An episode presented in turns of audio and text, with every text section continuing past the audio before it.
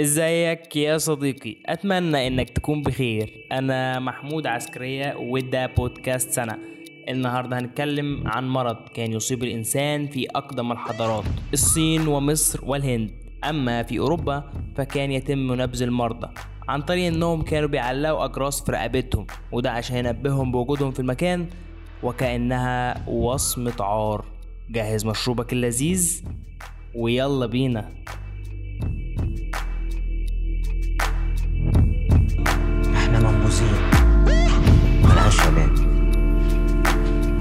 ينفعش تستعر من نفسك القصة بتبدأ بسيدة هندية اسمها راشنا كوماري كانت عايشة حياتها بشكل طبيعي لحد ما وصل عمرها 24 سنة. اتشخصت بمرض الجذام أيوة إحنا النهاردة جايين نتكلم عن الجذام أكثر الأمراض المصحوبة بوصمة العار في العالم والمعروف كمان بداء هانسن. أخدت حياتها منعطف قاسي لما بقت منبوذة من عيلتها وأهلها والمحزن أكتر إن زوجها توفى بعد مرضها وده خلاها تضطر تبعد عن أطفالها خوفا عليهم من المرض. وبعد مرور ثمان سنوات تعافت أخيرا من الجذام ولكن معركتها مع المرض طبعتها الآلام على المستويين العاطفي والجسدي. تماما كما هو حال آلاف المصابين الآخرين. تخيل معايا تعيش حياتك منبوذ ومحروم من حقوقك الطبيعية وبعيد عن كل أهلك وأسرتك ويوصل بيك الموضوع لاكتئاب حاد. تخيل الموضوع مرعب فما بالك باللي بيعيشوا بجد.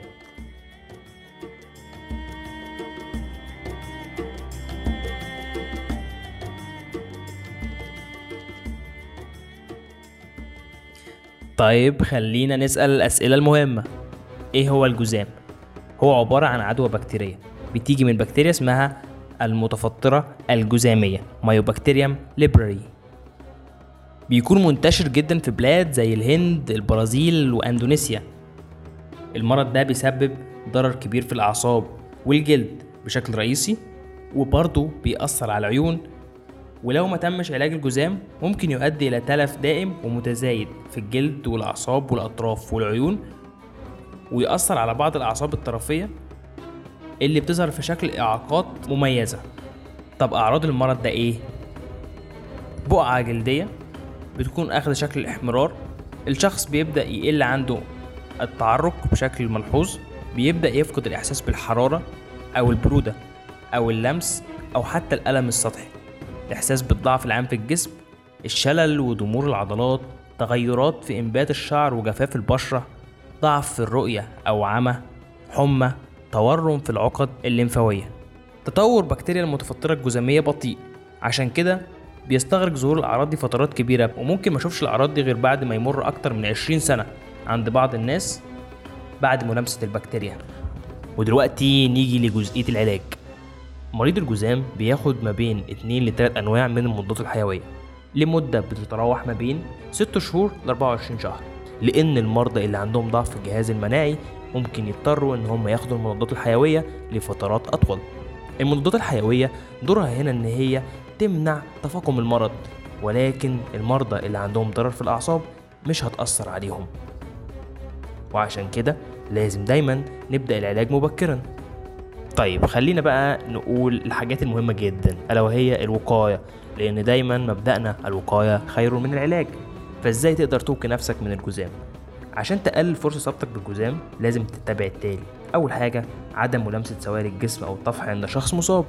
عدم ملامسة حيوان المضرع لأن الحيوان ده بيحتوي على البكتيريا اللي بتسبب الجذام الجذام هو مرض غير معدي إلا إذا لم يتم علاجه. الجذام غير المعالج هو الشكل الوحيد المعدي من المرض ومع ذلك فإن العدوى لا تنتشر بسهولة وبمجرد أن يبدأ العلاج فلا يمكن للمريض أن ينقل العدوى بالجذام طب هل ممكن المرض ده يخرج عن السيطرة ويوصل الموضوع للعمى؟ آه ممكن وبيحصل في حالة حدوث مضاعفات وده بسبب إن البكتيريا المسببة للمرض بتدمر أعصاب العين وبالتالي هيدمر العين فيصاب المريض بالعمى الجزء الأصعب من المرض يأتي في أن مرضى الجذام يتم وضعهم في مستعمرات خاصة بهم كي يتم علاجهم. وكانت أول مستعمرة اتبنت للجذام في التاريخ هي اللي بناها الخليفة الأموي الوليد بن عبد الملك. هو أول واحد عمل المستشفيات في الإسلام ومن ضمنهم مستشفى الجذام في دمشق على نفقة بيت المال كاملا. وأخيرا من اللافتات اللطيفة في السينما المصرية واللي بتوضح مدى وعيهم وإدراكهم بمرض الجذام هو فيلم يوم الدين. وده فيلم بيتكلم عن مرضى الجذام ومدى المعاناة اللي بيواجهوها في حياتهم من الناس. وكان بطلها راضي جمال المصاب بمرض الجذام فعليا. وده خلى الفيلم يتميز عن باقي الأفلام اللي اتكلمت عن مرض الجذام